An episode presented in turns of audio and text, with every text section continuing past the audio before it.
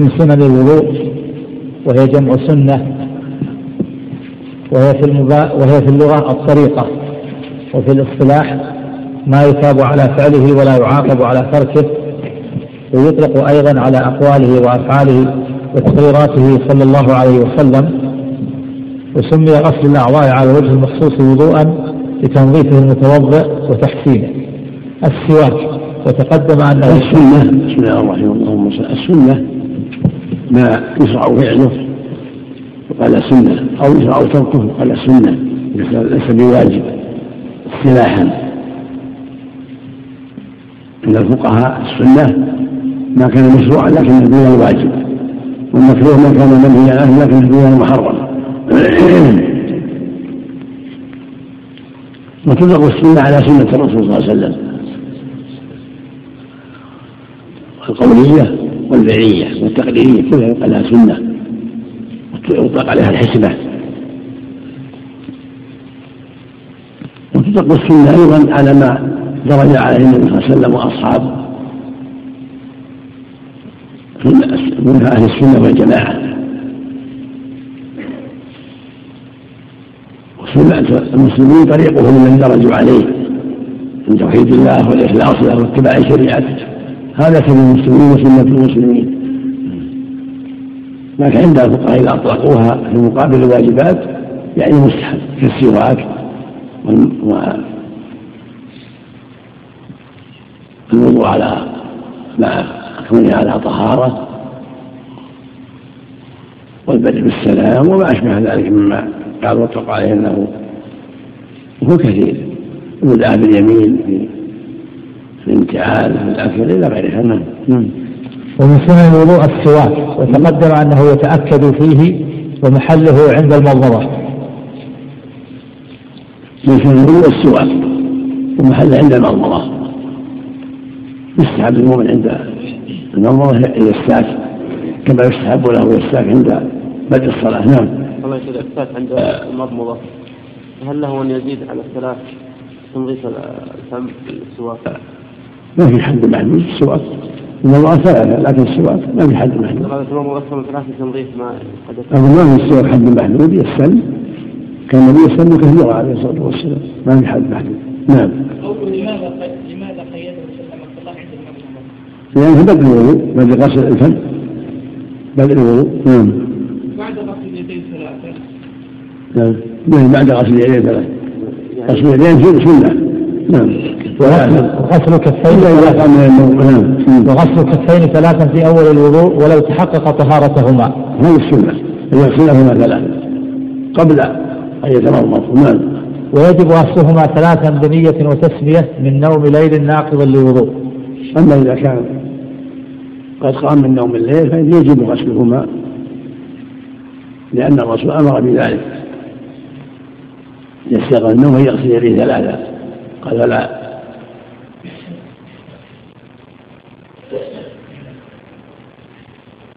إذا استيقظ أحدكم فليغسل يديه قبل أن يصوم في اليوم ثلاثة ثلاثة. فإنه لا يدري أين باتت يده وهذا الصواب فيه أنه للأمر. الأمر للوجوب والنهي للتحريم. فلا يغسل يغسل يده حتى يغسلها ثلاثة. لأن النهي والأمر جميعا. فإنه لا بأس يده. أما في غير ذلك فمستحب نعم. كان إذا أراد الوضوء غسل يديه ثلاثة صلى عليه نعم. الله عمل قوله من نوم ليل الناقض تقييده بالناقض يعني النوم المستغرق يعني اللي ينقض ينقض ينقض الوضوء ومن نعاس ما ينفع هو العاس الذي لا يجوز الوضوء ما يجب شيء. من غير إناء فهل يكون عليه واجب القيام من هو الظاهر عام. سواء من الإناء أو غيره. نعم. يصلها ثلاثة. قوله الصلاة بنية وتسمية نعم. بنية وتسمية نعم. التسمية عند بدء الوضوء التسمية عند الوضوء كافية. نعم. يعني أحسن الله لك التسمية هذه تثبت عند الوضوء كافية. وجعلها مقيدة بغسل الكفين. تسمية يعني يكفي تهمية الوضوء نعم. نعم. المقصود نوم العين نوم القلب هذا يتعلق بالنبي صلى الله عليه وسلم. تنام عيناه فلا ينام قلبه اللهم صل عليه وسلم نعم. نعم. نعم. ظاهر الحديث ما يذكر أين باتت يده لكن كونه يغسلها إذا قام من نوم النهار يتأكد بجمع العلة وإلا فالحديث نصه في الليل. نعم. نعم نعم. تزول الكراهة عند الحاجة. تزول الكراهة. لما تقدم في أقسام الماء. أو بين نفسه. كل واحد المقصود يسمي. لابد يسمي باللفظ ويسقط غسلهما والتسمية سهوا كل واحد سر ولا المعنى واحد. نعم. نعم البيتوتة لأن الرسول أمر ونهى. صلى الله عليه وسلم. إذا قام من نوم الليل. نعم. ويسقط غسلهما والتسمية سهوا. هذا محل بحث تسمية الوضوء محل بحث. الجمهور على أنها سنة فذهب بعض أهل العلم إلى وجوب التسمية عند بدء الوضوء. الحديث لولا الحديث لا وضوء لمن لم يكن اسم الله عليه. المشهور عند أهل العلم ضعفت ولهذا قال الجمهور بعدم الوجوب. وقال بعض الجماعة إنها في تعدد طرقها تكون باب الحسن.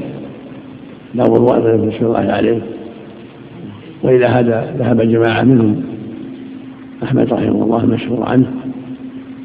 وجوب التسمية. لأن الله لا ينفي مسمى اسم شرعي إلا لترك بعض الواجبات. فقوله لا وضوء يقتضي وجوب التسمية. مثل لا إيمان لمن لا صبر له في وجوب الصبر. لا يؤمن أحدكم حتى يحب لأخيه ما يحب نفسه يقتضي وجوب المحبة. لا يؤمن من لا يأمن جاره وبوائق هذا كذلك فنفي الإيمان يجب وجوب ذلك الشيء لنفي من أجله فهكذا نفي الوضوء لو صح يقتضي وجوب التسمية ولهذا قال من؟ قال بوجوبها معلقا بالتصحيح. ابن رحمه الله في التفسير ذكر أن مجموعة الطرق يجعل الحديث مراتب الحسن لغيره.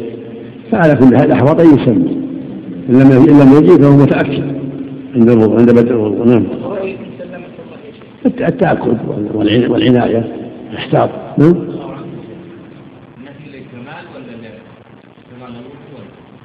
من قال بوجوب قال لصحة الوضوء. ومن قال الاستحباب قال لكماله. والجمهور على أنه لكمال في الكمال لأن الحديث ليس بذاك في طرق ضعيفه جزاك الله خير يا شيخ. وإذا نسى التسميع عند الوضوء نعم. لا نسي فلا حرج الحمد لله. نعم. أحسن الله عملك يا شيخ. ابن كثير يقول يبلغ بطرقه درجة الحسن. هل هذا يعني محل نظر. نعم. ويجب ويسقط غسلهما والتسمية سهوا نعم. وغسلهما لمعنى فيهما. نعم. إذا ترك ذلك سهوا صار سقط. تسمية تسقط سهوا. نعم. وغسلهما لمعنى فيهما فلو استعمل الماء ولم يدخل يده في الإناء لم يصح وضوءه وفسد الماء. وغسلهما. وغسلهما لمعنى فيهما. فلو استعمل الماء ولم يدخل يده في الإناء لم يصح وضوءه وفسد الماء. لم يصح ولو ولو فلو فلو استعمل الماء ولم يدخل يده في الإناء لم يصح وضوءه وفسد الماء. أما العلة الله أعلم بينها قال أين لا تهتدون بين العلة النبي صلى الله عليه وسلم. العلة بينها صلى الله عليه وسلم. أما فساد فساد الماء فالصواب أنه لا يفسد الماء لأن يعني الماء طهور لا لا ينجسه شيء. واليد من نجسه فلا يفسد الماء لكن خالف السنة. لا يجوز له يغسل اليدين ولا يغسل يديه من أن يغسلها ثلاثا ولو من الكباس البسبوس يغسل يديه ثلاثا قبل أن يبدأ في الوضوء. تنفيذا لأمر النبي صلى الله عليه وسلم وحذرا مما نهى عنه عليه الصلاة والسلام. لكن كون يفسد الماء لا الصواب لا يفسد الماء. الماء طهور لو غطي في الماء قبل أن يغسلهما أو أسلم من البزبوز ولم يغسلهما فالطهارة صحيحة والماء الصحيح طاهر. نعم. مبني على أي شيء أحسن الله القول بالفساد؟ نعم. القول بالفساد مبني على على أنها على أنهما نجستان ولا؟ على أمر ظني قد يعني يصيبها شيء وما يدري لكن هذا لا يعول عليه. المقصود أن خالف السنة يكفي. إذا غطهما في الإناء ولم يغسلها قال خالف السنة. أما كون يفسد الماء لا يفسد الماء. الماء لا ينجس إلا بنجاسة إن الماء طهور لا ينجسه شيء. نعم. ما تلوثت ما في ما في شيء. يقينها تلوثت فإنه لا يدري أن بأسيره ما في يقين أنك تلوث بنجاسة نعم. يعني لا يدري أن باتت يده لمعنى لبيان معنى العلة. الله هذا هو الله جعلها من العلة. صلى الله عليه وسلم. نعم. تقييد الامر بالغسل بدخول الاناء الا يفهم منه خاص الاناء نعم. تقييد الامر في لا المعنى ظاهر. حتى ولو كان هو بماء المعنى ظاهر. إذا المقصود استعمال الماء المقصود بدخل يده استعمال الماء فلا يستعمل الماء من الكباس ولو إلا بعد غسله مثلا هذا المشروع له والواجب عليه. الرسول قال فلا يغرس فلا يدخل يده في الإناء فلا يغمس يده في الإناء. اللفظ الآخر فليغسل يديه قبل أن يتلاهما نعم. نعم. ومن سنن الوضوء البداءة قبل غسله لوجهه بمضمضة ثم استنشاق ثلاثا ثلاثا بيمينه واستنثاره بيساره. وهذا من السنة يبدأ المنظر الاستنشاق هذا من السنة المنظر الاستنشاق واجبتان الوضوء لا بد من غسل الوجه. غسل الوجه فرض ومن هذا الفرض المنظر والاستنشاق لكن الأفضل يبدأ بهما كما بدأ بهما النبي صلى الله عليه وسلم. يتمضمض يستنشق ثم يغسل وجهه. هذا هو الأفضل. فإن غسل وجهه يتمضمض بعد هذا واستنشق فلا يضر. لكن البداء بالمضمضه والاستنشاق هو الأفضل. نعم. لأن شيء واحد الوجه شيء واحد. والمضمضه والاستنشاق من الوجه نعم. نعم. نعم. هذا هو توضا لا ما يضر. لأن بعض الروايات تقديم الوجه على المنظرة لا يضر إن شاء الله. لأنه شيء واحد. مثل لو بدا مقدم الوجه على مؤخرة أو مؤخرة على مقدمة. المقصود حصر غسل الوجه. ومن سننه المبالغة فيهما أي في المضمضة والاستنشاق لغير الصائم فتكره. نعم. ومن سننها المبالغة فيهما أي في المضمضة والاستنشاق لغير الصائم فتكره. نعم. السنة المبالغة فيهما. حديث لقيط بن سبع بلغ في الاستنشاق الا ان تكون صائما والافضل المضمضة والاستنشاق لأن الوجه الفم والأنف محل التأثر بما يقع في الأنف آثار السائل وما يقع في الفم من آثار المأكول والمشروب. فالمبالغة في المرض والاستنشاق تزيد الآثار ما يكون في الفم والأنف. إلا للصائم فلا يبالغ. المبالغة تجر إلى قد تفضي إلى ذهاب الماء إلى الجوف. ولهذا في الحديث الصحيح يبالغ في الاستنشاق إلا أن تكون صائمة. نعم. والمبالغة في مضمضة إدارة الماء بجميع فمه وفي الاستنشاق جذبه بنفسه إلى أقصى الأنف. وفي بقية الأعضاء دلك ما ينبو عنه الماء للصائم وغيره. هذا هو المبالغة كون شيء يذهب بالماء إلى أقصى فمه وأقصى أنفه. لإزالة الأذى.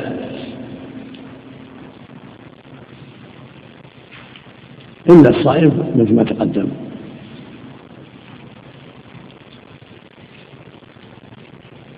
نعم. حكم الدلك عفى الله عنك لك الأعضاء. مستحب وهم وهم لا وإن فهو مستحب كما في بعض الروايات يدرك ذراعيه وإلا في المقصود إسباغ الماء إنه الماء. أسبغ الماء هو يعني أمن الماء على الأعضاء أسبغ إسباغه مرور الماء على الأعضاء فلو أدخلهما في الماء وأخرجهما بنية الوضوء كفى حتى في الغسل عفى الله حتى في الغسل مستحب الدلك لا لا يشمل بالنسبة للترتيب رصة رصة نعم الوجوب الوجه ثم اليدين ثم الرأس ثم الرجلين. كما رتبه الله. نعم. نعم. نعم. إيش؟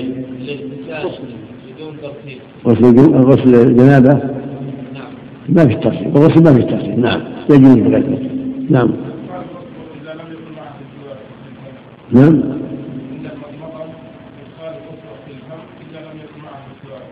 ما في بس نوع من إزالة الوسخ. ينفع. نعم. نعم. نعم. يكفي إذا مرنا عليه يكفي المس ما المس ما يجي إلا في الخفين والرأس. أما الوجه واليدين والرجلين لابد يغسل لابد ينزل الماء. مرور أما الرأس يمسح مسح. في الماء. نعم. فقط غسل الجنابة ما في تقدير؟ ما يجب فيه الترتيب فقط غسل الجنابة؟ غسل الجنابة وغسل الجمعة من باب أولى. وغسل الحيض وغسل النفاس. لو بدأ المغتسل بنصفه الأسفل أجزاء. أحسن أحسن الله عمل إذا تمضمض في بداية الوضوء وكان يغتسل لإزالة الجنابة. نعم. إذا تمضمض في الغسل في ال- في الوضوء ثم اغتسل لإزالة الجنابة. نعم يكفي؟ يكفي؟ الموضوع يكون يبدأ الوضوء أفضل. نعم. واجبا في الوضوء والغسل. لأن الفم في حكم الظاهر والأنف في حكم الظاهر نعم؟ نعم مرة واحدة الواجب مرة والباقي سنة نعم. وهكذا كل عضو الواجب مرة نعم. واغتسل بنية التبرد ونية رفع الحدث النيتين بالنيتين ما يخالف. ما يضر ما دام بالنيتين ما يخالف.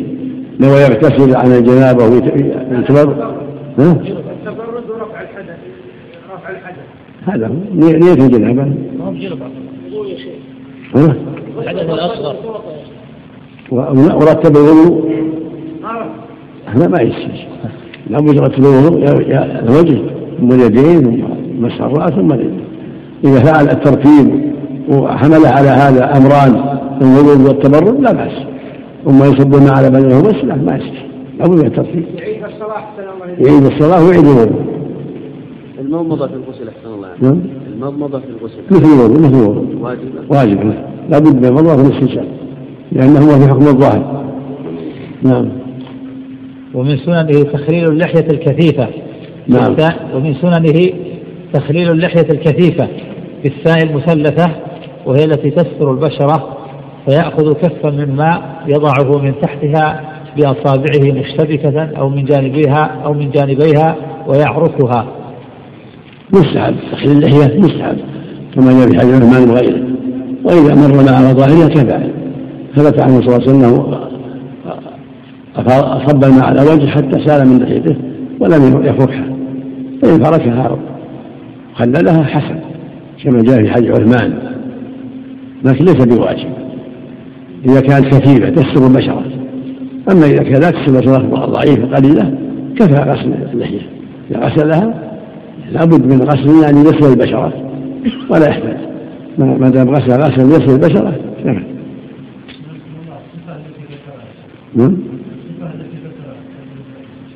نعم؟ هكذا. بيديه يحط ويخلي نعم. وكذا عنفقة وباقي شعور الوجه. هكذا عنفقة العنفقة هي تحت تحت صفة السفل يقالها عنفقة يعمها بالماء وإذا فركها يكون أفضل. نعم؟ من اللحية؟ نعم العنفقة من اللحية. نعم. لأنها على اللحية. نعم لا يقل لا يجوز قصرها نعم. وباقي شعور الوجه. لو كان الوجه شعور لا بد يغسله حتى يتخلل إذا كان في وجه في شيء. وجه بعض الناس قد يكون في وجه شيء. ولا خد ولا واللحية على خديه من الوجه خدان من الوجه يخللهما نعم وإذا مشى الماء فوقها كفى لكن التخليل أفضل. نعم. ومن سننه تخليل الأصابع أي أصابع اليدين والرجلين. قال في الشرح وهو في الرجلين آكل. هذا من من سنة. خلل بين الأصابع. مر النبي صلى الله عليه وسلم بين الاصابع في حديث لقيط يا فاشبه الوضوء وخل بين الاصابع لأن قد ينبو عنها الماء قد ينبو الماء عن الأصابع فيخلي الأصابع الرجلين واليدين والرجلين أشد لأنه قد يكون فيها وسخ. فيعتني بتحليل الأصابع حتى يعمها الماء.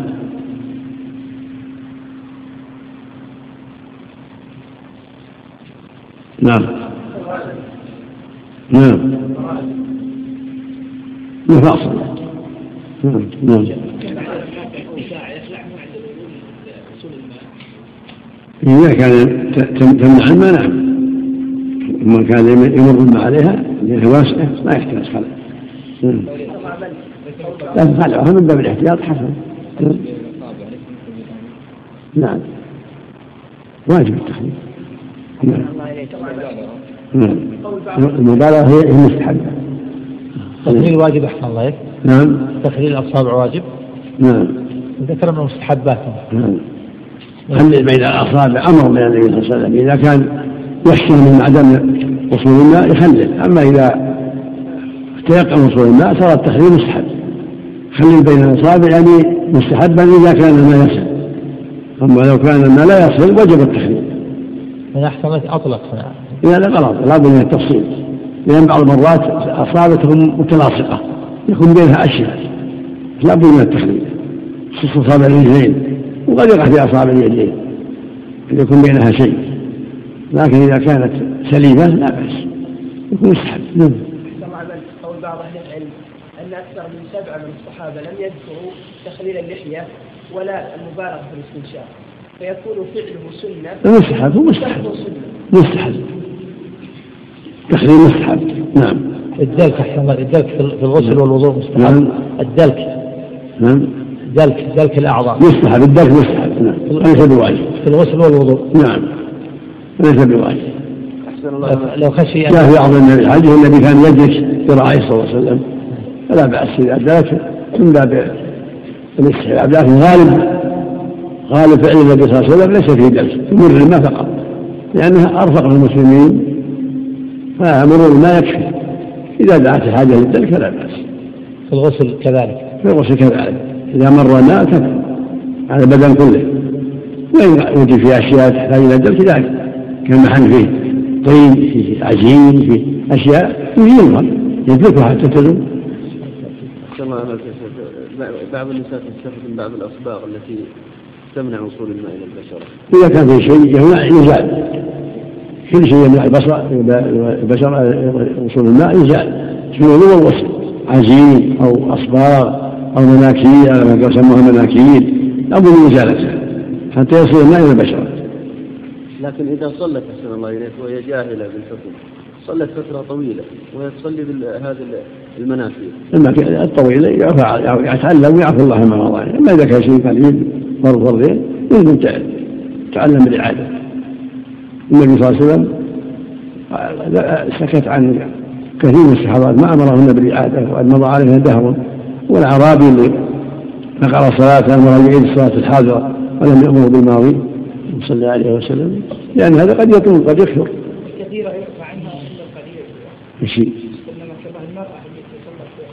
إذا كان فرض أو فرضين عادي من باب التحذير ومن باب الحث على الاستقامة.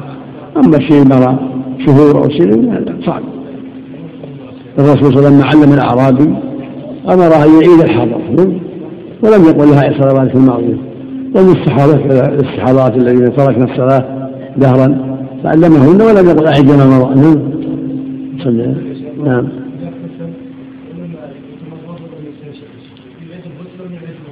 المظهر في الاستنشاق بس. بنية الجنابة. يقول ما ما يجوز الترتيب؟ ولا موالاة في الغسل. نعم. نعم الوضوء يعيد موضوع الاستنشاق بس. الوضوء يعيد الجميع الوضوء يعيد؟ نعم. قال في الحاشية وقيل لا خلاف في في مسنونية تسليل أصابع رجلين سنة في الجميع سنة في الجميع. نعم. ويخلل أصابع رجليه بخنصر يده اليسرى من باطن رجله اليمنى من خنصر إلى إبهامها وفي اليسرى بالعكس. ويخلل. ويخلل أصابع رجليه بخنصر يده اليسرى من باطن رجله اليمنى من خنصر إلى إبهامها وفي اليسرى بالعكس. هذا أفضل جاء في حديث مستوري الشداد بأنه ما رأى أنه يخلل بخنصره والتخليل مطلقا لأن إذا تيسر بخنصره ولم يشق عليه وإلا خلل مطلقا بأي أسباب لكن إذا تيسر بالإصبع اليسرى كان هذا حسنا إذا تيسر ذلك نعم ثابت فيها الحديث الله نعم. هذه السنة ثابت فيها حديث مستورد. لا أعلم بسنده بأسا حديث مستورد بن شداد يحتاج إلى أن يعاد النظر فيه. لأني تأملت تحريب الإصبع قد يكون في بعض الكوفة تحريب الإصبع اليسرى. فرأى أنه لا بد من جمع طرقه. حديث المستورد ابن حمص يعني نعم عندك؟ نعم. الأصابع لم يكن يحافظ عليه. في السنن عن المستورد بن شداد رأيت النبي صلى الله عليه وسلم إذا توضأ يدرك اصابع رجليه بخصره وهذا إن ثبت فإنما كان يفعله أحيانا ولهذا لم يروه الذين اعتمدوا بضرب وضوءه كعثمان وعلي وعبد الله بن زيد والربيع وغيرهم على أن في إسناده عبد الله بن لهيعة. يراعي يدفع قال الأحاديث التي جاءت في الوضوء ليس فيها ذكر تحريم الإصبع وأنا جربته في التعب في مشقة. تخليل يكون باليد كلها بأصابعه كلها. اما تخصيص الإصبع الخنصر فيه بعض المشقة. والظاهر والله أعلم عدم صحة حديث المستوري أما جملة الأحاديث التي جاءت في صلاة النبي ليس فيها ذكر التخليل بالخنصر إنما فيها عموم غسل اليدين وغسل الرجلين. وذكر حديث العقيق خل بين اصابع ولا فيه بكذا ولا بكذا. المقصود التخلي بينها الحمد لله. أحسن الله إليك. شيخ عبد الله؟ نعم. لا أخبر حديث المصوري إن شاء الله. تعالى نعم. قوله في اليسرى بالعكس. نعم. قوله في اليسرى بالعكس يعني بخنصر يده اليمنى. لأن اليسرى للأذى لأن اليسرى يزال بها الأذى. لا لا أحسن الله قوله في اليسرى بالعكس بالعكس يعني الأولى يقول بخنصر يده اليسرى. وفي اليسرى بالعكس. يعني بخنصر يده اليمنى لا يبدأ من من من من الإبهام يعني إلى الخنصر واليمنى من الخنصر إلى الإبهام يعني اليسرى بخنصر يده اليمنى واليمنى بخنصر يده اليسرى. نعم. اليسرى بخنصر يده اليمنى واليمنى بخنصر يده اليسرى. هذا معنى قوله بالعكس. لا اقرا عبارته ويخلل أصابع رجليه بخنصر يده اليسرى من باطن رجله اليمنى من خنصر إلى إبهامها. من باطن. من باطن. رجله اليمنى من خنصر إلى إبهامها إيه. وفي اليسرى بالعكس. بالعكس بين الإبهام والخنصر ولا كلها بخنصر يعني يده الإبهام والخنصر كلها بخنصر يده كلها بالخنصر اليسرى نعم. نعم. الله شيخ. بالنسبة للصحابي اللي النبي صلى الله عليه وسلم في إعادة الوضوء بعدم غسل مؤخرة رجله. هذا البقعة إذا ترفوع يوم لماذا ما أمره بغسل الرجل فقط؟ يعني لابد من الموالاة. لابد من موالاة الوضوء. طال مدة أعاد الوضوء كله لأنه لابد موالاة يكون غسل الرجل مواليا لغسل السرات ليس بينهما مسافة يعيش فيها الماء. نعم. الوضوء لابد من الترتيب والموالاة. ترتيب الوجه اليدين الرأس الرجلين والموالاة. مو بيغسل وجهه يروح ثم بعدين يغسل الرجلين أو يغسل وجه الوالدين ثم يبقى حتى تيبس ثم راسه لا يوالي. الرسول توضا مواليا هذا ما هذا معنى. نعم. وذكر من أسفل الأمر واسع الأمر واسع فعلا الحمد لله. سواء من أسفل ولا من فوق المقصود تخلي الاصابع نعم. الله. سواء من فوق ولا من أسفل. نعم. شيخ بارك الله فيك. ذكر من المحشي. قال والاحاديث الوارده في التخليل في اسانيدها مقال ولكن لا تقصر عن اثبات استحباب التخليل للسنيه. لا حديث صحيح حديث غير صحيح فيه الخلل التعليل حديث صحيح نعم نعم إذا نواهما أجزاء إذا نوى الحدثين أجزاء إن شاء الله نعم إذا رتب لا ما يصح إذا ما غسل ما توضأ شرعي ما عليه نعم ما يصح وأصابع يديه إحداهما بالأخرى. مم. وأصابع يديه إحداهما بالأخرى. هكذا. لا إحداهما الأخرى نعم. فإن كانت أو بعضها ملتصقه سقط فإن كانت؟ فإن كانت أو بعضها ملتصقه سقط نعم. لا يكلف الله نفسا إلا وسعها. إذا كانت اصابعه متسقه ما ما يستطيع. نعم. شتى خلقة يعني. بعض الناس اصابعه متسقه نعم نعم لا حول ولا قوة نعم. نعم. ومن سننه التيامن بلا خلاف. نعم. وأخذ ماء جديد للأذنين من بعد كلامه ومن سننه التيامن نعم. بلا خلاف. نعم. لا يقول إذا توضأتم فابدأوا فأتي يبدأ باليمين عليه الصلاة والسلام. من الماء لليسرى نعم. وقدم اليسرى نعم. وقدم اليسرى على اليمنى أجزاء لكن فيها في السنة. نعم. نعم يبدأ شق الأيمن هذا الأفضل نعم. وأخذ ماء جديد للأذنين بعد مس رأسه. إيه، هذا هو السنة.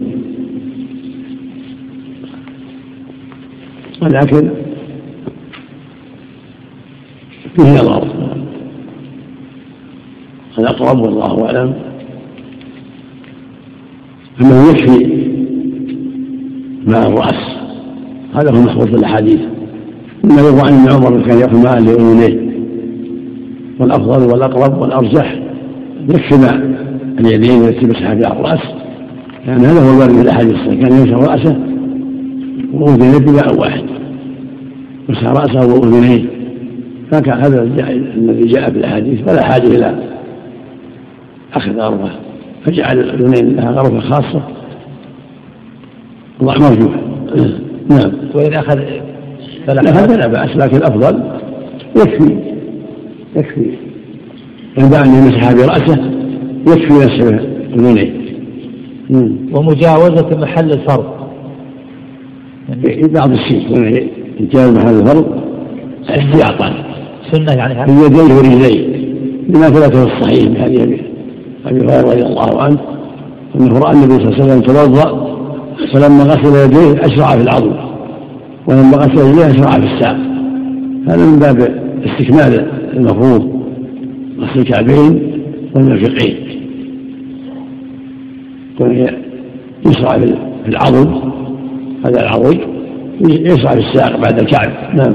سنة. حتى يستكمل الكعبين ويستكمل المرفقين نعم. مستحب يعني. نعم. الواجب غسلهما. المرفقين والكعبين لكن إذا جاوزهما قليلا يكون أفضل. لا لغه الحديث. حتى أشرع في الأرض حتى أشرع في الساق ومن سننه الغسلة الثانية والثالثة. هذه سنة الغرفة الثانية والثالثة؟ الواجب مرة. الصحيح النبي عن النبي صلى الله عليه وسلم البخاري بن عباس أن النبي صلى الله عليه وسلم مرة مرة ومرتين ومرتين وثلاثة ثلاثة إذا عم الأعضاء بالماء مرة كفى. مرتين كفى. والأفضل ثلاث. وإن فرق يجعل بعض الأعضاء مرتين وبعضها ثلاث فلا بأس. أو بعضها مرة وبعضها مرتين فلا بأس. نعم.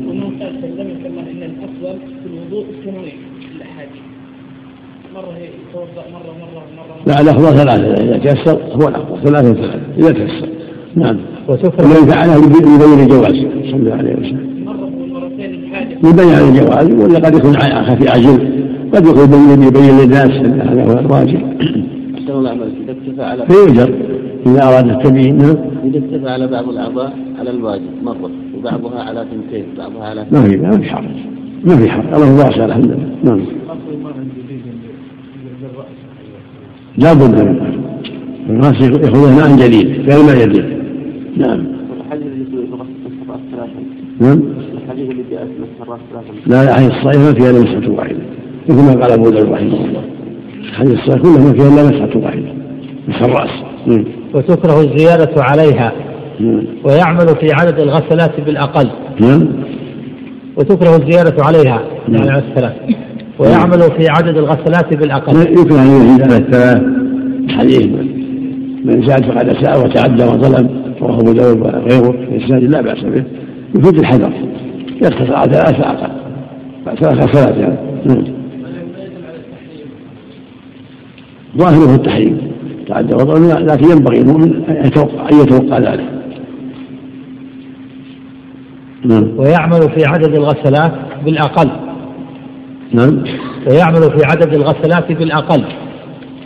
ويعمل إيش؟ في عدد الغسلات بالأقل. يعمل. إي نعم. ها؟ ويعمل في عدد الغسلات بالأقل. إيش؟ يشك في العدد لا شك؟ في الغسلة يعمل في عدد الغسلات بالأقل. إيش بعده؟ ويجوز الاقتصار على الغسلة الواحدة. يعني لا شك كذا. بعض مهمة المعنى إذا شك يعني. إذا شك نعم. يمنع على الأقل. يصل سكي غسل اثنتين إلى ثلاث كل ثلاث. غسل واحد أو اثنتين يشمل هذا الأفضل. من باب الكمال. مثل ما في الصلاة وغيره يعمل بالافضل نعم. ويجوز الاقتصار على الغسلة الواحدة والثنتان أفضل والثلاثه أفضل منهما. كما تقدم الواجب مرة والثنتان افضل والثلاث والكمال نعم. نعم. نعم. العموم الغسلة العموم والعضو هذه غسلة ثم إذا عاد يعني من الوضوء غسلة مو بغرفة المقصود العموم والعضو يعمه بالماء هذه غسلة ثم يعمه ثانية ثانية ثم يعمه ثالثة ثالثة سواء بغرفة أو بغرفتين أو بأكثر. ويجوز ولو غسل بعض أعضاء الوضوء أكثر من بعض لم يكره. ولو؟ ولو غسل بعض أعضاء الوضوء أكثر من بعض لم يكره. مثل ما تقدم. غسل صلى الله عليه وسلم وجهه ثلاثة ويديه اثنتين اثنتين فلا حرج. لو غسل بعض أعضاء اثنتين وبعض أعضاء ثلاث لا حرج. هذا في جميع نعم عام إلا إلا الرأس مسحة واحدة. الرأس مسحة واحدة نعم. في بركة ويتوضأ وقدميه في البركة فمتى ينوي غسل القدمين؟ عندما مسح رأسه عندما مسح رأسه يغسل ينوي غسل قدميه نعم. لأنه منغمس قدميه نعم. النية كافية. نعم. لو خرج الله عنك. وهو داخل للسباحة بنية الوضوء لو خرج مرتبا كذا يعني يكفي. إذا خرج مرتب كذا. خرج بيديه وخرج رأسه ثم خرج يديه ثم مسح رأسه ثم أخرج يديه من الباء نية الوضوء كفي على معنى بالنية نعم.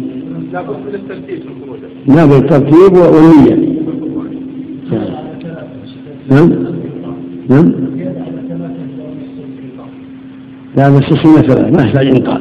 مر ما يكفي نعم. ولا يسن مسح العنق. نعم. لا يسن غسل العنق.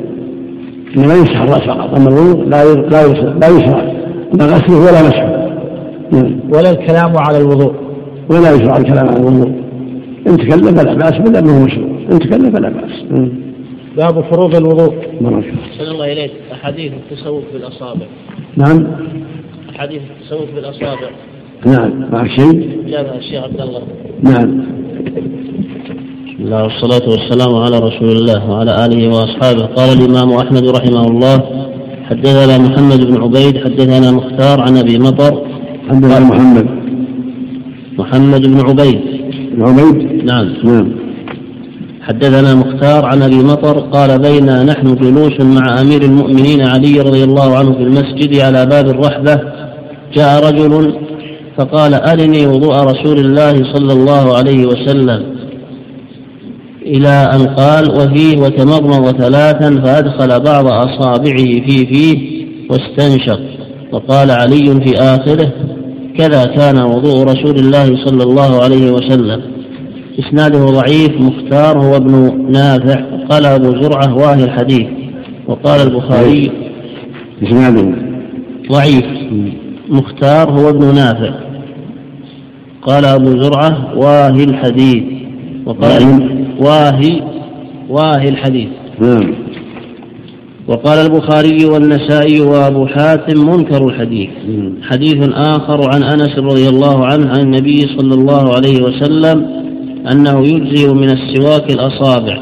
أخرجه البيهقي. قال الشيخ ناصر الألباني في الإرواء ضعيف كما قال البيهقي في سننه. حيث أخرجه من طريق عيسى بن شعيب عن عبد الحكيم القسملي عن أنس رضي الله عنه. قال البيهقي ضعيف. قال البخاري عبد الحكيم القسملي البصري عن أنس وعن أبي بكر منكر الحديث. قال الشيخ ناصر وعيسى بن شعيب هو البصري الضرير. فيه ضعيف. وقد اضطرب فيه. وقد اضطرب فيه. فتارة رواه هكذا وتارة قال حدثنا ابن مثنى عن النضر أنس عن أبيه. به رواه البيهقي أيضا وقال تفرد عيسى بالإسنادين جميعا. والمحفوظ من حديث ابن المثنى ما أخبرنا ثم ساق سنده إلى عبد الله بن المثنى حدثني بعض أهل, أهل بيتي عن أنس عن أنس بن مالك به نحوه وفيه مجهول وقد سماه بعض الضعفاء من طريق أبي أمية الطرسوسي. حدثنا عبد الله بن عمر الطرسوسي حدثنا عبد الله بن عمر الحمال حدثنا عبد الله بن مثنى به. قلت وأبو مية اسمه محمد بن إبراهيم قال الحاكم كثير الوهب وشيخه عبد الله بن عمر الحمال الظاهر أنه الذي في تاريخ بغداد لم يذكر بجرح ولا تعديل. وشيخه؟ وشيخه عبد الله بن عمر الحمال الظاهر أنه الذي في تاريخ بغداد لم يذكر في لم لم لم يذكر بجرح ولا تعديل. حديث آخر روى الطبراني في الأوسط من طريق كثير بن عبد الله بن عمرو بن عوف المزني عن أبيه عن جده قال قال رسول الله صلى الله عليه وسلم الأصابع تجري مجرى السواك إذا لم يكن سواك. كثير متهم وأبوه مقبول. حديث آخر روى الطبراني في الأوسط من طريق الوليد بن مسلم حدثنا عيسى بن عبد الله الأنصاري عن عطاء. عن عائشة قالت قلت يا رسول الله الرجل يذهب فوه يستاك؟ قال نعم. قلت كيف؟ قال يدخل أصابعه في فيه فيدلك. وعيسى بن عبد الله الأنصاري قال ابن حبان لا ينبغي أن يحتج بما انفرد به. قال قال ابن حبان لا ينبغي أن يحتج بما انفرد به. وذكره ابن عدي في كامله وذكر من منكراته هذا الحديث. وقال وعامة ما يرويه لا يتابع عليه. ومثله في الميزان واللسان وضعفه الحافظ في الدراية والله أعلم. لكن عند الحاجة لا بأس الأحاديث ضعيفة فيها سيف الأصابع لكن إذا ما كان شيء ودلك أسنانه بأصابعه حصل بعض المفهوم باب فروض الوضوء وصفته. باب باب باب فروض الوضوء وصفته. الفرض لغة يقال لمعان أصلها الحز والقطع وشرعا ما أفيد نعم. الفرض لغة يقال لمعان أصلها الحز والقطع وشرعا ما أثيب فاعله وعوقب تاركه. والوضوء استعمال ماء استعمال ماء طهور في الأعضاء الأربعة على صفة مخصوصة. وكان فرضه مع فرض الصلاة. كما رواه ابن ماجه ذكره في المبدع. بسم الله الرحمن الرحيم. الحمد لله وصلى الله عليه وسلم على رسول الله أما بعد هذا الباب في فروض. لما فرغ المؤلف من الطهارة والمياه والأواني والسواك وسنن الوضوء ذكر الوضوء. والوضوء هو الطهارة المعروفة التي تشمل الوجه واليدين والرأس والرجلين للصلاة وغيرها مما شرع الله له الوضوء كالطواف والمصحف. فالوضوء فرض للصلاة والطواف ومس المصحف وسنة في مواضع. والأصل في الفرض هو الحز والقطع والتقدير وقال فرض كذا يعني أوضح وبينه. ويقال فرض كذا قدره فرض النواقل كذا فرض لفلان كذا قدره ومنه فروض في المواريث المقدرة أما في الشرع فالمراد بالفروض الواجبات التي أوجبها الله على عباده يقال لها فرض ويقال لها واجبات من صلاة وصوم وغير ذلك. هذه فروض الشرع. الواجبات التي أوجبها الله على عباده وألزمهم بها.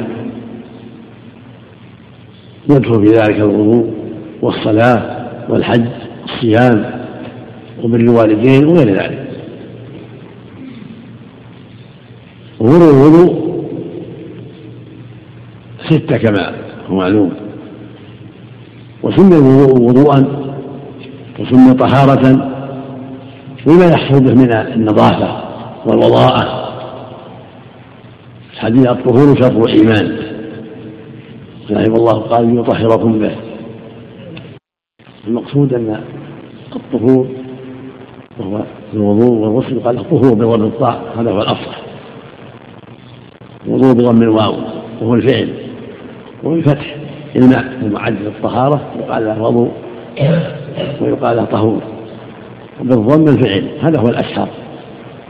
وقال بعض أهل اللغة إن أوله يفتح بالضم مطلقا سواء كان فعل أو ماء. فطهور وطهور ووضوء ووضوء مطلقة والأفصح والأكثر هو أن الضم للفعل والفتح للأداة التي يفعل بها وهو الماء. السر في هذا من حيث اللغة أن هذه أشياء يحصل بها التطهير والنظافة والنور الوضوء والغسل يحصل به الأبنية النظافة والنور النزاهة ما هو معلوم. نعم. محل نظر محل نظر. نعم. ما فيه دليل واضح على انه خاص بهذا ليس هنا جاء في بعض الحديث ما يدل على أنه ليس خاصا جاء في قصه جريج لما هدموا صومعته توضأ وصلى جاء في قصة زوجة الخليل لما سار لما ضامع أرادها الجبار توضأت وصلت وسألت ربها يجيرها من ذلك. يروى عن النبي قال وضوئي وضوء الأنبياء من قبلي وأنه عام قال بعضهم أنه خاص بهذه الأمة وليس هناك دليل واضح على الخصوص. نعم. نعم. نعم. والوضوء استعمال ماء طهور في الأعضاء الأربعة على صفة مخصوصة. هذا هو الوضوء شرعا. يعني في عرف الشرع. الوضوء هو غسل الأعضاء الأربعة. والغسل غسل البدن كله. والوضوء غسل الأعضاء الأربعة شرعا. الوجه واليدان والرأس والرجلين هذا الأعضاء. غسل الوجه واليدين وغسل الرجلين ومسح الرأس. هذا هو الوضوء شرعا. نعم. وكان فرضه مع فرض الصلاة كما نعم. رواه ابن ماجه. فرضه مع فرض الصلاة الله فرض الصلاة وفرض مع الوضوء نعم. ذكره في المبدع. نعم. وفروضه ستة. أحدها غسل الوجه لقوله تعالى فاغسلوا وجوهكم. والفم والأنف منه أي من الوجه لدخولهما في حده فلا تسقط المضمضة ولا الاستنشاق في وضوء ولا غسل لا عمدا ولا سهوا. الفرض الأول الوجه غسل الوجه وهذا محل إجماع. الله يقول سبحانه يا أيها الذين آمنوا إذا قمتم إلى الصلاة فاغسلوا وجوهكم. فالآية تبين وتقرر ما قال ما هو معلوم في الشريعة من الوضوء. ما إذا من آخر ما نزل ولكنها مقررة للوضوء وموضحة له. والوضوء قد فرض قبل ذلك بجهل طويل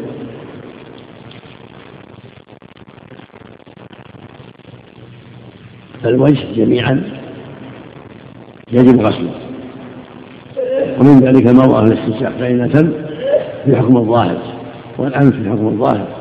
فلا بد من غسل الفم والأنف في الوضوء والغسل. لأن لهما حكم الظاهر نعم.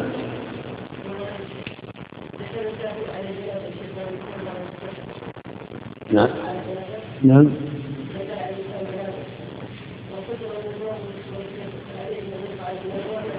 عليك. يستمر ويستنشق لا بد من ذلك. ما ما يتم الغسل حتى يتمر ويستنشق نعم.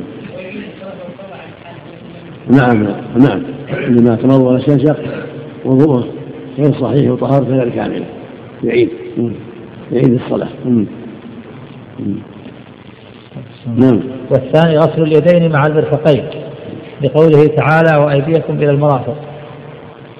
الفضل الثاني غسل اليدين مع المرفقين للعيش الكريمة ولفعله صلى الله عليه وسلم. وهو المبلغ عن الله.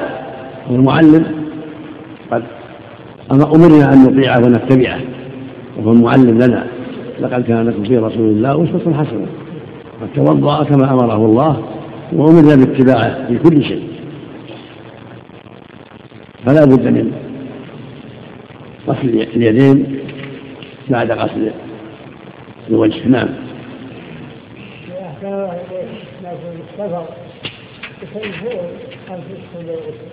نعم. على كل عليه الوضوء إذا وجد الماء واذا ما وجد الماء يتيمم نعم. والثالث مسح الرأس كله ومنه الأذنان. لقوله تعالى وامسحوا برؤوسكم وقوله صلى الله عليه وسلم الأذنان من الرأس رواه ابن ماجه.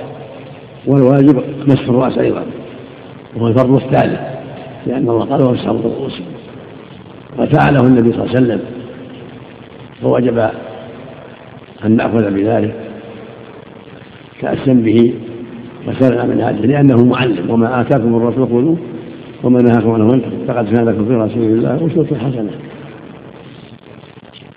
مثل ما قال في الحج كلوا عني ما صلوا كما رأيتم أصلي فكما توضأ نتوضأ والواجب مسح جميع الرأس مع الأذنين كما فعل عليه الصلاة والسلام. نعم. ضعيف نعم. لكن العمدة على فعل النبي صلى الله عليه وسلم. نعم.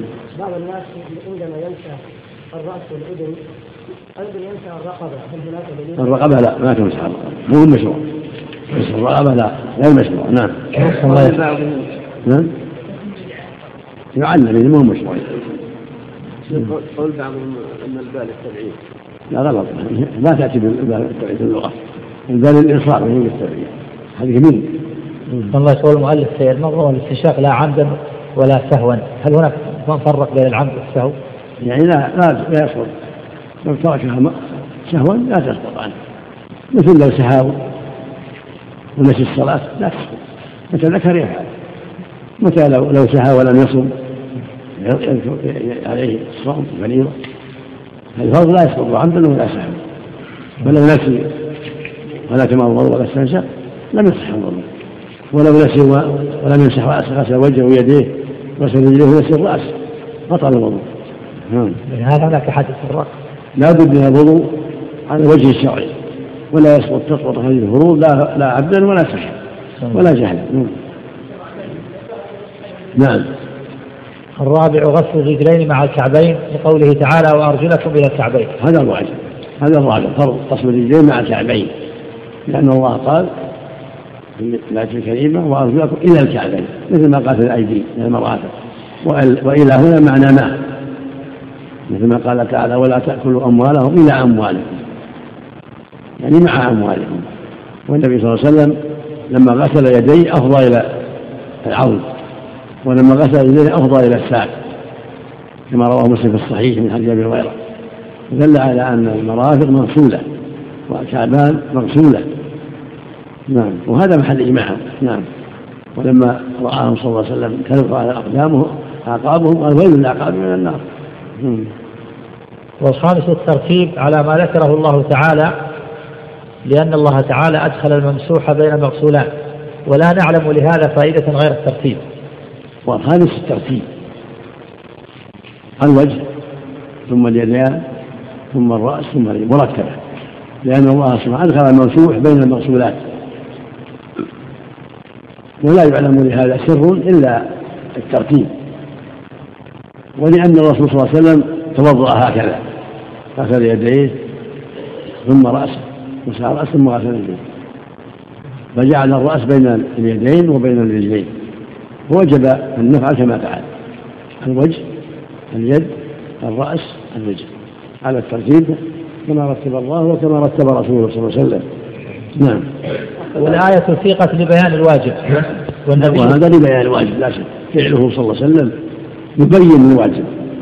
مثل ما فعله في الغسل يبين الواجب فعله في الصلاة يبين الواجب فعله في الحج يبين الواجب فعله في الصوم يبين الواجب وفعله في الجهاد يبين الواجب فهكذا في الوضوء أفعاله تفسير لما أمر الله تفسير لقوله إذا قمت إلى الصلاة.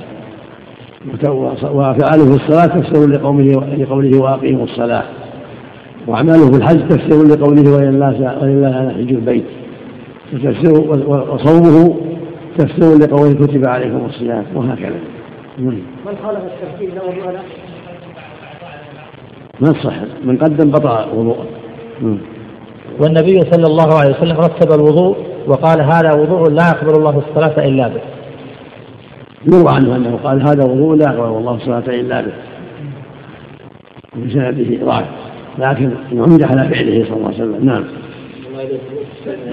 نعم. الوجه شيء واحد نعم. لكن الأفضل يبدأ المرضى الاستنشاق ولو بدأ بغسل الوجه ثم تمرض أجزاء كل واحد. شيء لا يصح الوضوء إلا بمسح الراس والاذنين جميعا كما هو الصواب كما هو الحق. فلو بدأ بشيء من الأعضاء قبل غسل الوجه لم يحسب له. لو غسل اليدين ثم غسل وجهه ما تحسب اليدان. حتى يغسلهما بعد الوجه ولو مسح الرأس قبل اليدين لم يحسب. حتى يغسل يديه ثم يمسح. لا من الترتيب. وإن توضأ منكسا أربع مرات صح وضوءه إن قرب الزمن. لو نكس مكرر صح وضوءه بالترتيب الوجه ثم اليدين ثم المسح الرأس ثم الرجلين. لابد من الترتيب. ولو غسلها جميعا دفعة واحدة لم يحسب له غير الوجه. نعم لو غسلها جميعا ما احسب له الوجه. لو غمس في الماء أو خرج من الماء ما يحسب له إلا الوجه. ثم يغسل يديه ثم يمسح رأسه. ولو انغمس ثم خرج ناوي الطهارة لم يحسب له إلا الوجه. ثم يغسل يديه ثم يمسح رأسه وهكذا. معنى بارك الله فيك وإن غسلها أربع مرات. يعني بدأ بالرجلين ثم الرأس ثم اليدين ثم الوجه. ثم الأولى ما يحسب لها الوجه والثاني يحسب لها اليدين والثالث يحسب لها الرأس والرابعة فيها تمام. هذا معنى. يحسب الترتيب بالتكرار. لو نوى أحسن الله عنه لو نوى انه إذا انغمس في الماء أن يدخل الحدث الأصغر تحت الحدث الأكبر يعني الوضوء إذا نواهما جميعا لكن أجزاء. اذا نواهما جميعا على الصحيح اجزاء وإن انغمس ناويا في ماء وخرج مرتبا أجزأه وإلا فلا. نعم. يعني الوضوء أجزاء في الوضوء نعم. والسادس الموالاة. نعم. لأنه صلى الله عليه وسلم رأى رجلا يصلي وفي ظهر قدمه لمعة قدر الدرهم لم يصبها الماء فأمره أن يعيد الوضوء رواه أحمد وغيره. والسادس الموالاة. لا بد من الموالاة. بين الأعضاء لأن الله جل وعلا رتبها والرسول رتبها ووالى في وضوءه فدل على أنه لا بد من الموالاة في الوضوء الموالاة التي معناها أن يغسل هذا قبل أن يشفى اللي قبله بل يوالي عرفا بينهما لأن الرسول فعل هكذا والرسول صلى الله عليه وسلم هو القدوة في ذلك وفي غيره. ولأنه صلى الله عليه وسلم لما رأى اللمعة أمر صاحبها أن يعيد الوضوء والصلاة كما في حديث خالد المعدان في إسناد جيد رواه أبو داود وكما روى مسلم كما قال صاحب اللمعة أحسن وضوءك. فلا بد من الموالاة. فلو رحمك الله. فلو ترك بعض اليد أو بعض الرأس فلا بد من إعادة الوضوء أو بعض القدم حتى ذهبت الموالاة أعاد الوضوء. أما إذا ذكر في الحال صار في قدم لمعة فذكرها في الحال غسلها وكفى. نعم. ضابط الموالاة العرف؟ عرفا نعم. جاهلا كان ولو جاهلا هذه الفروع ما فيها ما يوقع عنه. نعم. وهي أي الموالاة ألا يؤخر غسل عضو حتى ينشف الذي قبله بزمن معتدل أو قدره من غيره. هكذا الموالاة بهذا يعني يعني يغسل هذا قبل أن الذي قبله في أوقات معتدلة وبقدر ذلك في الأوقات غير معتدلة. الوقت المعتدل معروف والأوقات غير معتدلة مثل أوقات الهواء الرياح القوية تلبس الأعضاء في الحال فبقدر ذلك. ما يضر يلبسها في الأوقات غير المعتدلة لأن كثرة الريح وشدة الريح تمشي في الأعضاء في الحال ما يضره ذلك. ما دام والى بينها والى بينها كالمعتاد والعرف. ولا يضر إن جف لاشتغال بسنة كتخليل وإسباغ أو إزالة وسوسة أو وسخ.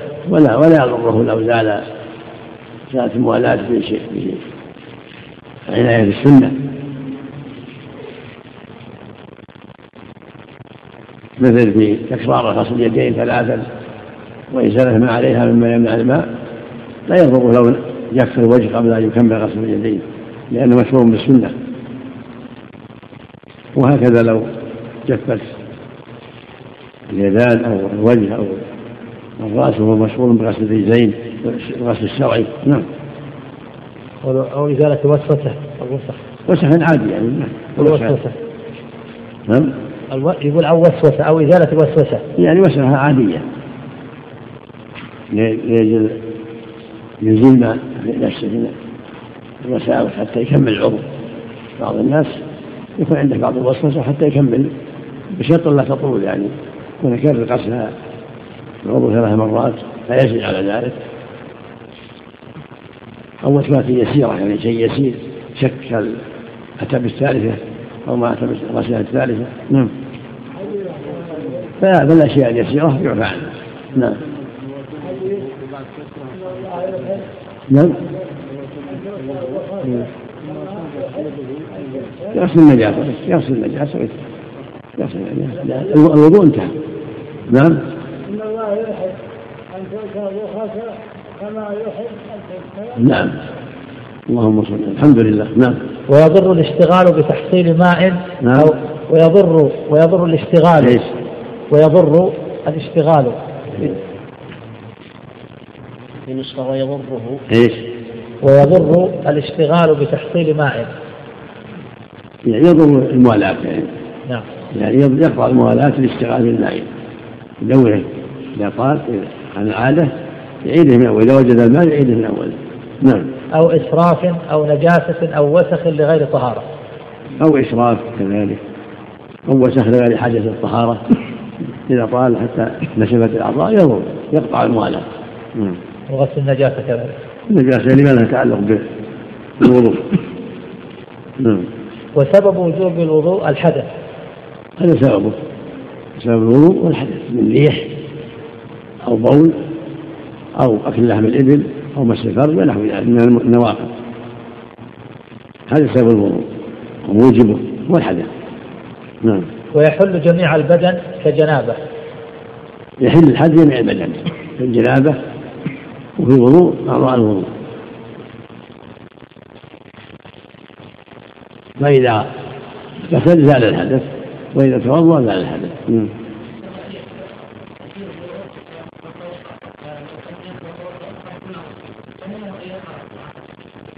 إذا إذا اغتسل. لا لا ماشي لابد من الغسل. الجنب لا يقرأ حتى يغتسل. نعم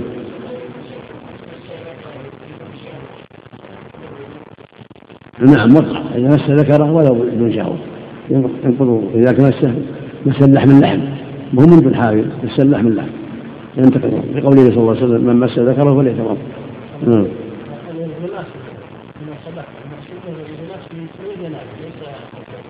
نعم. الناس إلا المقصود بدون وضوء المقصود من جنابه من جنابه ليس طهر إذا غمس للنظافة ما ما يصير طهارة. المقصود إذا غمس بقصد الطهارة الغسل من الجنابة والماء كثير. طهر. نعم. مس عورة الصغير ما دون التمييز. ولا ولا؟ نعم هذا الصواب. والنية لغة القصد نعم. ومحلها القلب. نعم. فلا يضر سبق لسانه بغير قصده ويخلصها لله تعالى شرط هو لغة هو لغة هو لغة الع- العلامة. واصطلاحا ما يلزم من عدمه العدم ولا يلزم من وجوده وجود ولا عدم لذاته بطهارة الحدث كلها. بحديث إنما الأعمال بالنيات. بسم الله الرحمن الرحيم. الحمد لله وصلى الله وسلم على رسول الله وعلى وصحبه. أما بعد يقول المؤلف رحمه الله والنية شرط من طهارة الاحداث كلها.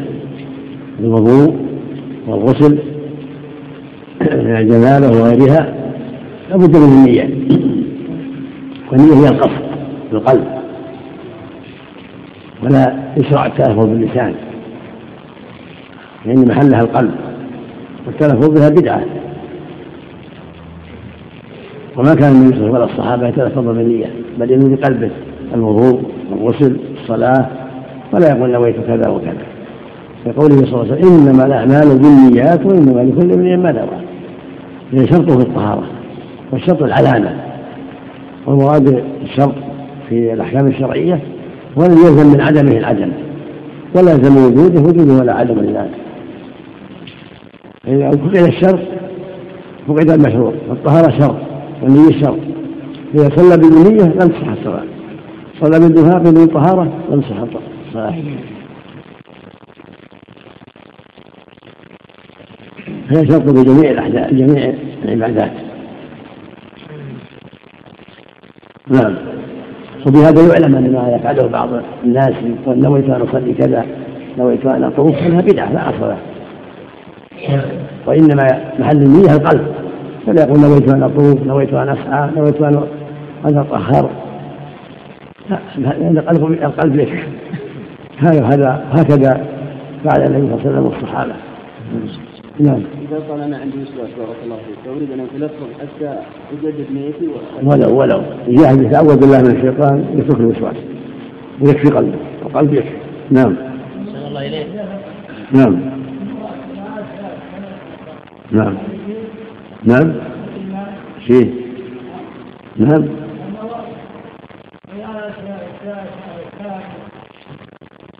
النية محلها القلب في أول الصلاة أول عند التكبير نعم.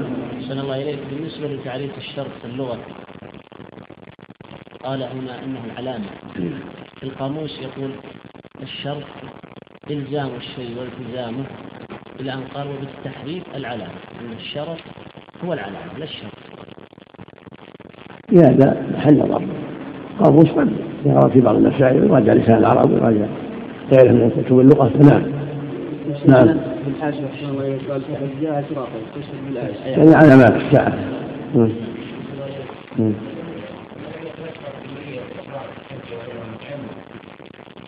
يكفي قلب؟ القلب يكفي والتلف وقول لبيك عمره أو لبيك حجه مستحب.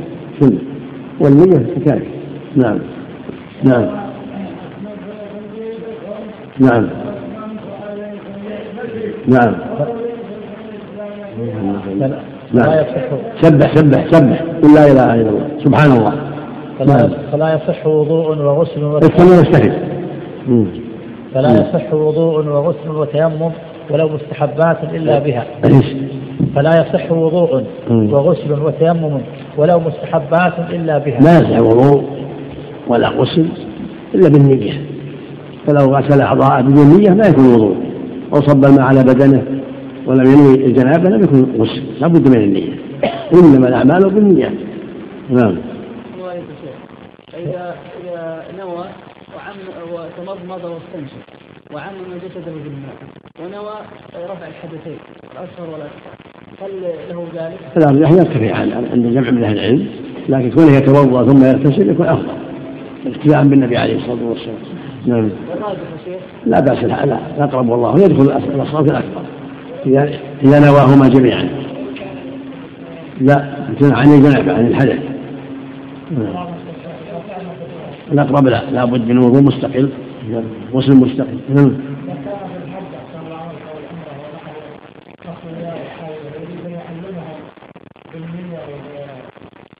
التعليم شيء التعليم غير التعليم يعلمهم لكن بس يعلمهم النية محلها القلب نعم. نعم. فينوي فينوي رفع الحدث. نعم. أو يقصد الطهارة لما لا يباح إلا بها أي بالطهارة. ينوي بقلب رفع الحدث من حدث أصغر أو أكبر. أو ينوي ما لا يباح إلا بالطهارة. ينوي الصلاة ينوي الطواف. إذا نواهما فقد نوى رفع الحدث. إذا نوى بوضوء الطهارة الطواف أو مسح المصحف أو الصلاة فقد نوى رفع الحدث. نعم. كالصلاة والطواف ومس المصحف. نعم. لأن ذلك يستلزم رفع الحدث. نعم. إذا نواهما فقد نوى رفع الحدث لأن تعاطيهما لا تعاطي هذه الأشياء لا بد فيه من الصلاة والطواف والصلاة فإذا نوى واحدا منها فقد نوى رفع الحدث. نعم. لأن ذلك يستلزم رفع الحدث. فإن نعم. نوى فإن نوى طهارة أو وضوءا أو أطلق أو غسل أعضاءه ليزيل عنها النجاسة أو ليعلم غيره أو ليتبرد لم يجزئ. إذا نوى بغسل الأيدي النظافة أو غسل الوسخ أو تعليم غيره ولم يرد الطهارة لم لم يرتفع إلى الحدث. أما إذا نوى الطهارة الشرعية المعروفة أو نوى الوضوء الشرعي ارتفع الحدث. نعم. قوله فإن نوى طهارة يعني ما ما نوى طهارة الحدث ولا نوى الوضوء. طهارة الذي التي هي النزاهة. من غير نوى الطهارة الشرعية. فإنه طهارة أو وضوءا يعني ليس الشرعي. أما إذا نوى الوضوء الشرعي أو الطهارة الشرعية عبارة مهملة لكن ينبغي أن تقيد. إذا نوى الطهارة الشرعية أو الوضوء الشرعي فارتفع هذا. والوضوء لا يكون هكذا الوضوء يعني والوضوء المراد به طهارة. فإذا نوى الطهارة المعروفة التي هي رفع الحدث أو نوى الوضوء الذي هو وضوء الصلاة فقد نوى رفع الحدث. نعم. فالعبارة هذه فيها نقص. نعم. إذا أطلق. نعم. إذا أطلق. إذا غسل الأعضاء الدنية ما يكون طهارة ما يكون. نعم. وإن نوى صلاة معينة لا غيرها ارتفع مطلقا. إذا نوى صلاة معينة صحة الطهارة للجميع. لو نوى بوضوء صلاة الضحى. فإنها يرتفع الحدث يصلي في الظهر وغيره. فلو توضأ يصلي الضحى مثلا. ثم جاء الظهر على طهارته. فهي طهارة شرعية. يصلي بها الظهر يصلي بها غيره ما دام طاهرا من يحدث أو نوى الطهارة مثل المصحف الضحى يقرأ المصحف الضحى ثم جاء الظهر وهو على طهارة طهارة شرعية كاملة. نعم. نعم. طهارة شرعية نعم. نعم. وينوي من حدثه دائم استباحة الصلاة. ويرتفع حدثه. ينوي من حدثه دائم استباحة الصلاة أو ينوي الصلاة والحمد لله. إذا نوى الطهارة الشرعية هو الصلاة ارتفع حدثه مؤقتا. ارتفع حدثه مؤقتا بالوقت. نعم. من حدثه دائما نعم ولا يحتاج أما لا استباحة الصلاة ما هو لزوم نية استباحة الصلاة؟ إذا نوى الطهارة الشرعية ولو ما نوى استباحة الصلاة. إذا نوى الوضوء الشرعي أو الحدث المؤقت أو نوى الطهارة للطواف أو للصلاة أو لمسح المصحف ولو أن حدثه دائما. يكون ارتفاع ارتفاعا مقيدا بالوقت نعم. يعني الطهارة التي تكون في حقها. يكفي. لكن قيد في الحاشية أحسن الله لأنها دون رفع حدث. لأنه لا لا الصواب يرتفع الحدث لكن مؤقت. لكن حدثه تعبير السباحة الصلاة يعني عبارات فقهية. حدثه يرتفع فيصلي ما يسر الله له حتى ينتهي الوقت. ولهذا قال من الصحابة توضأ إلى وقت كل صلاة. نعم. فيصلي بالوضوء ويقرأ القرآن ويمس المصحف ويطوف ما دام في الوقت. لكن حدثه دائم كالمستحاضة. توضأت لتطوف في الضحى. حتى طهارتها تابع تصلي تطوف حتى يأتي وقت الظهر توضأت الظهر تصلي تطوف بعد الظهر تقرأ حتى يأتي وقت العصر وهكذا. يعني وقت مؤقت يعني طهارة مؤقتة لأن الحدث دائم. ولا يحتاج إلى تعيين النية للفرض. نعم ما يحتاج لا تعيين نية الفرض ولو ولو نوى به النافلة أو تبع الحدث وصلى به الفرض وغير الفرض والطواف وغيره نعم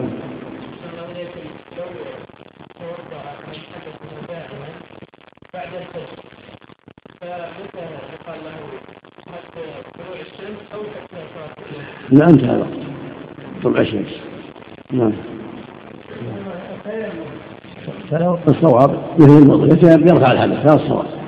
كالماء إذا تيمم من الظهر وجاء العصر وهو على طهارته يصلي في العصر هذا الصواب. الله جعله طهورا. جعلت الأرض مسجدا وطهورا. نعم. الله إليك. رجل خلع سنا أوصاه الدكتور بعدم إدخال الماء إلى فمه 12 ساعة. يتيمم عنه. يتوضأ وإذا كمل الوضوء يتيمم بنية الذنب عن المضمضة نعم. نعم. فلو فإن أحسن الله إليك. فإن توضأ ولم يتيمم يعيد الصلاة. يعيد الصلاة نعم. ما تم وضوءه. نعم. فلو نوى رفع الحدث لم يرتفع حدثه في الأقية قاله في المبدع. نعم. فلم فلو نوى رفع الحدث. لم يرتفع حدثه في الأقيس قاله في المبدع. هذا ضعيف. والمبدع ضعيف. والصواب يرتفع لكن ارتفاعا مؤقت في حدود الوقت كما بينه النبي عليه الصلاة والسلام. نعم. يعني يريدون النية تكون لاستباحة الصلاة. نعم. يرتفع يرتفع. ارتفاعا مؤقتا في الوقت. نعم. ولهذا يصلي ويقرأ مصحف مصحف ويطوف ما دام في الوقت. ما دام حدثه دائم. نعم. يعني السبب في هذا قوله لا يرتفع لأنه الخوف لفظي أقول خوف لفظي لأن حدثه دائم سواء سميناه استباحة أو سميناه تكلف. أقول خوف لفظي المهم أنه مرتفع وأنه يصلي بهذا الوضوء ما يحتاج للطهارة في ذلك الوقت حتى ينتهي الوقت. من من طواف وصلاة ومشي المصحف. نعم.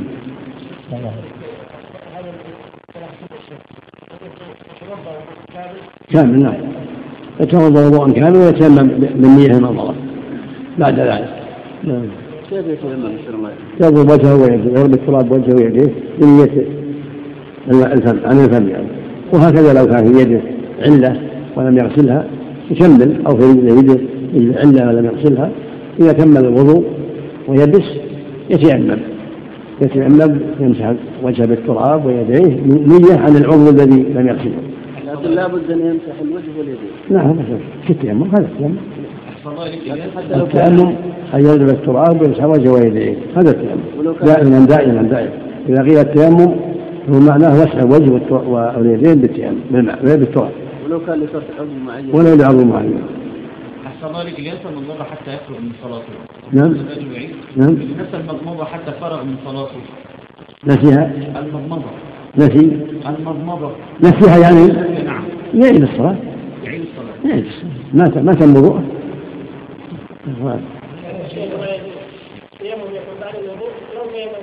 لا بعد الوضوء جزاك الله خير. من أصعب الطهارة. نعم. نعم. يمسح. عند وجود الغسل. كان في اليد يمسحها عند غسل اليد. إن كان في الرجل يمسحها عند غسل الرجل. يمر ما عليها نعم. أراد إيش؟ يحدث إيش؟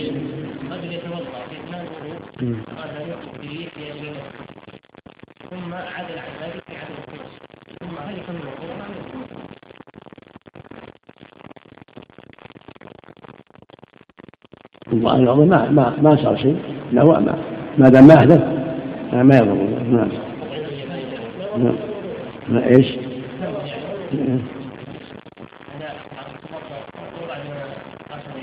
إيش؟ إيه.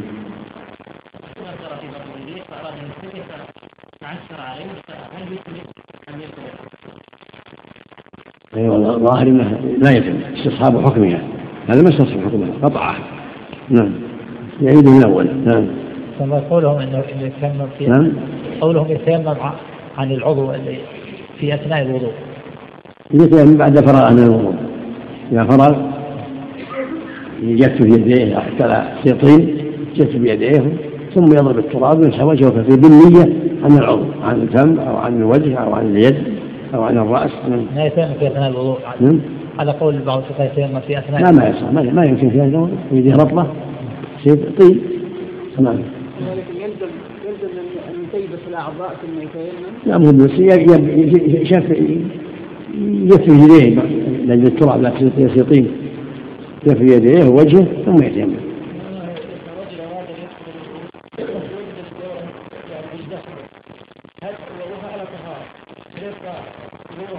لو لا هذا ما أحدث ما صار وضوءهم ما نعم.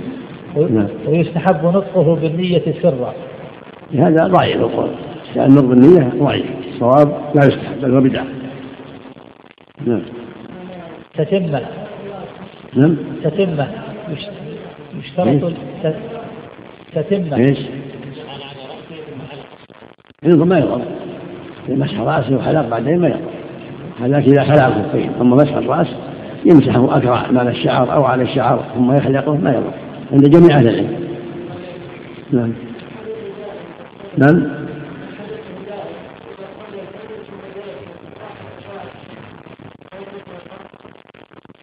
الظاهر بطلوع الشمس انتهى وقت نعم. نعم. تتمة. يشترط لوضوء وغسل أيضا إسلام وعقل وتمييز وطهورية ماء وإباحته. وإزالة وإزالة ما يمنع وصوله وانقطاع موجب. نعم هذا لا بد منه.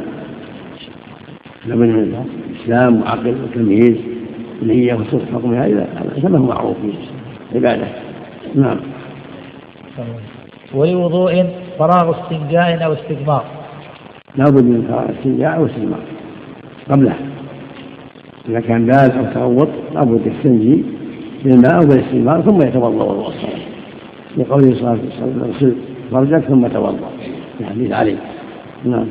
ما يمنع الرسول إذا وجد بعد الفراغ من الصلاة شيئا يسيرا عليه يعيد العضو يعيد العضو الذي قصر به. ما دام ممكن بعد. ثلاث مبالاة يزيد العجين أو غيره يعيد غسل الوضوء إذا كان يسير يعني يغلب على الظن أن الماء دخل فيه وحصل به هكذا شخص سأل شيخ عن المضمضة فقال له أنه سنة فامتنع عن المضمضة في شهر رمضان أثناء الوضوء. ما حكم المضمضة سنة فرض لا بد منها. ما ما صحت الصلاة ما صحت الصلاة صلاته ولا وضوء نعم. يعيد كل شهر رمضان؟ نعم. يعيد كل صلوات الشهر بالكامل؟ وسأل شيخ فأفتى له بذلك. الظاهر فتوى باطلة ما لها صلاة الشخص نفسه ماذا يفعل؟ الظاهر يعيد الصلوات التي صلىها بهذا الوضوء. نعم. شهر شهر كامل. نعم. يقول صلى بذلك شهر كامل شهر رمضان. كامل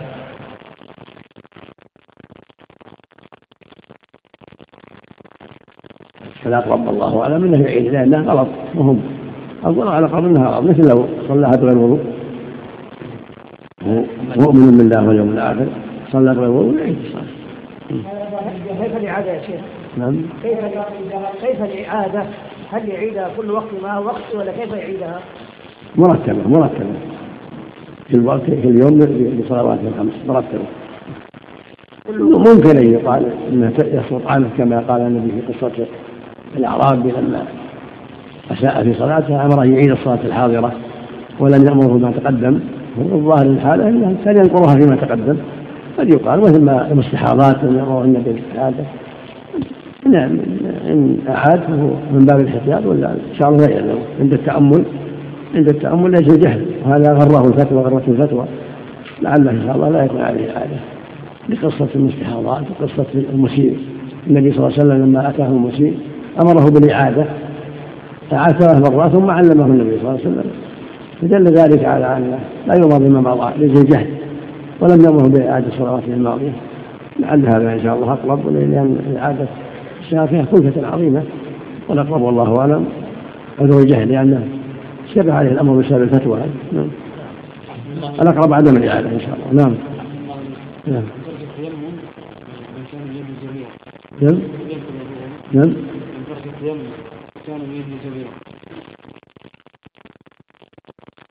يعني ما مسح عليها.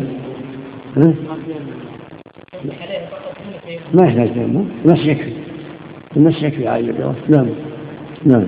ودخول وقت على من حدثه دائم لفرضه. صاحب السادس والأحوال ولا بد من دخول الوقت. لقوله صلى الله عليه وسلم توضأ إلى وقت كل صلاة. لما حدثه دائم مع بول دائم أو مع هدم دائم يكون الوضوء بعد دخول الوقت. العبرة بدخول الوقت سواء قبل الأذان أو بعد الأذان. نعم. إذا دخل الوقت يتوضأ. وإذا توضأ للظهر يصلي إلى دخول العصر وإذا توضأ العصر يصلي إلى غروب الشمس. نعم. فإن نوى ما تسن له الطهارة كقراءة قرآن وذكر وأذان ونوم وغضب ارتفع حدثه. إذا نوى ما تسن له الطهارة ارتفع الحدث كالينام على طهارة يصلي على طهارة يجب على طهارة يقرأ القرآن عن ظهر قلب طهارة. المقصود أنه الطهارة الشرعية. نعم. هذا يبين خطأ العبارة السابقة. وضوءا وطهارة هي ما الطهارة الشرعية. نعم. نعم.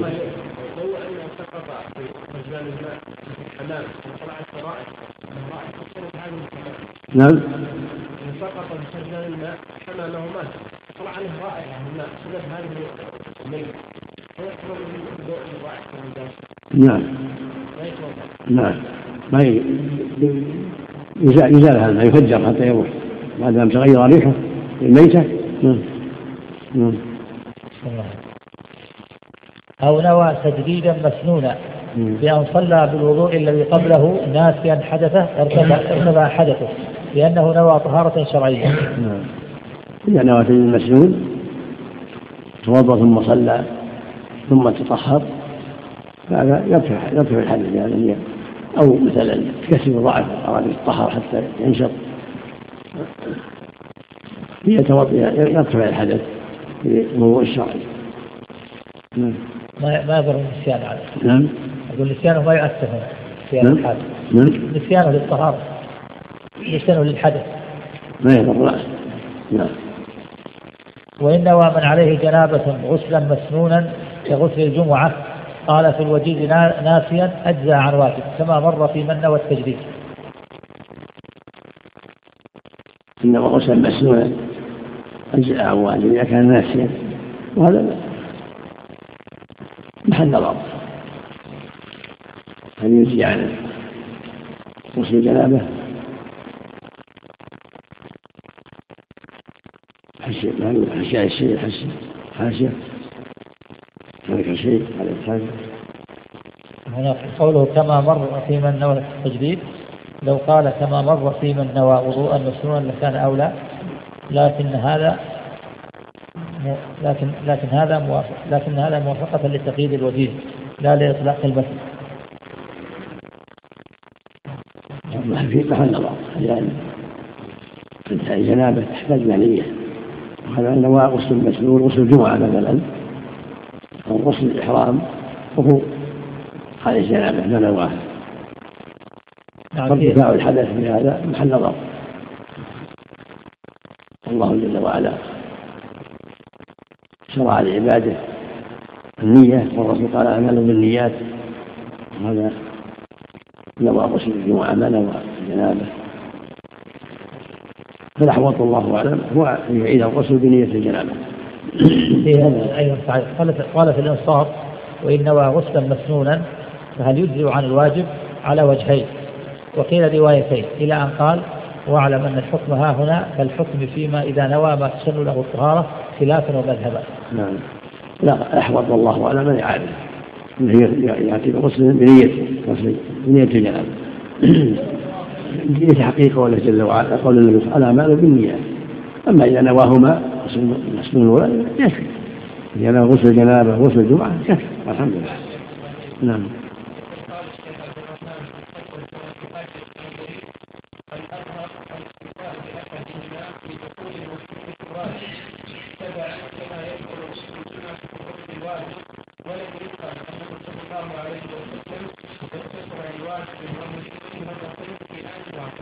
نعم.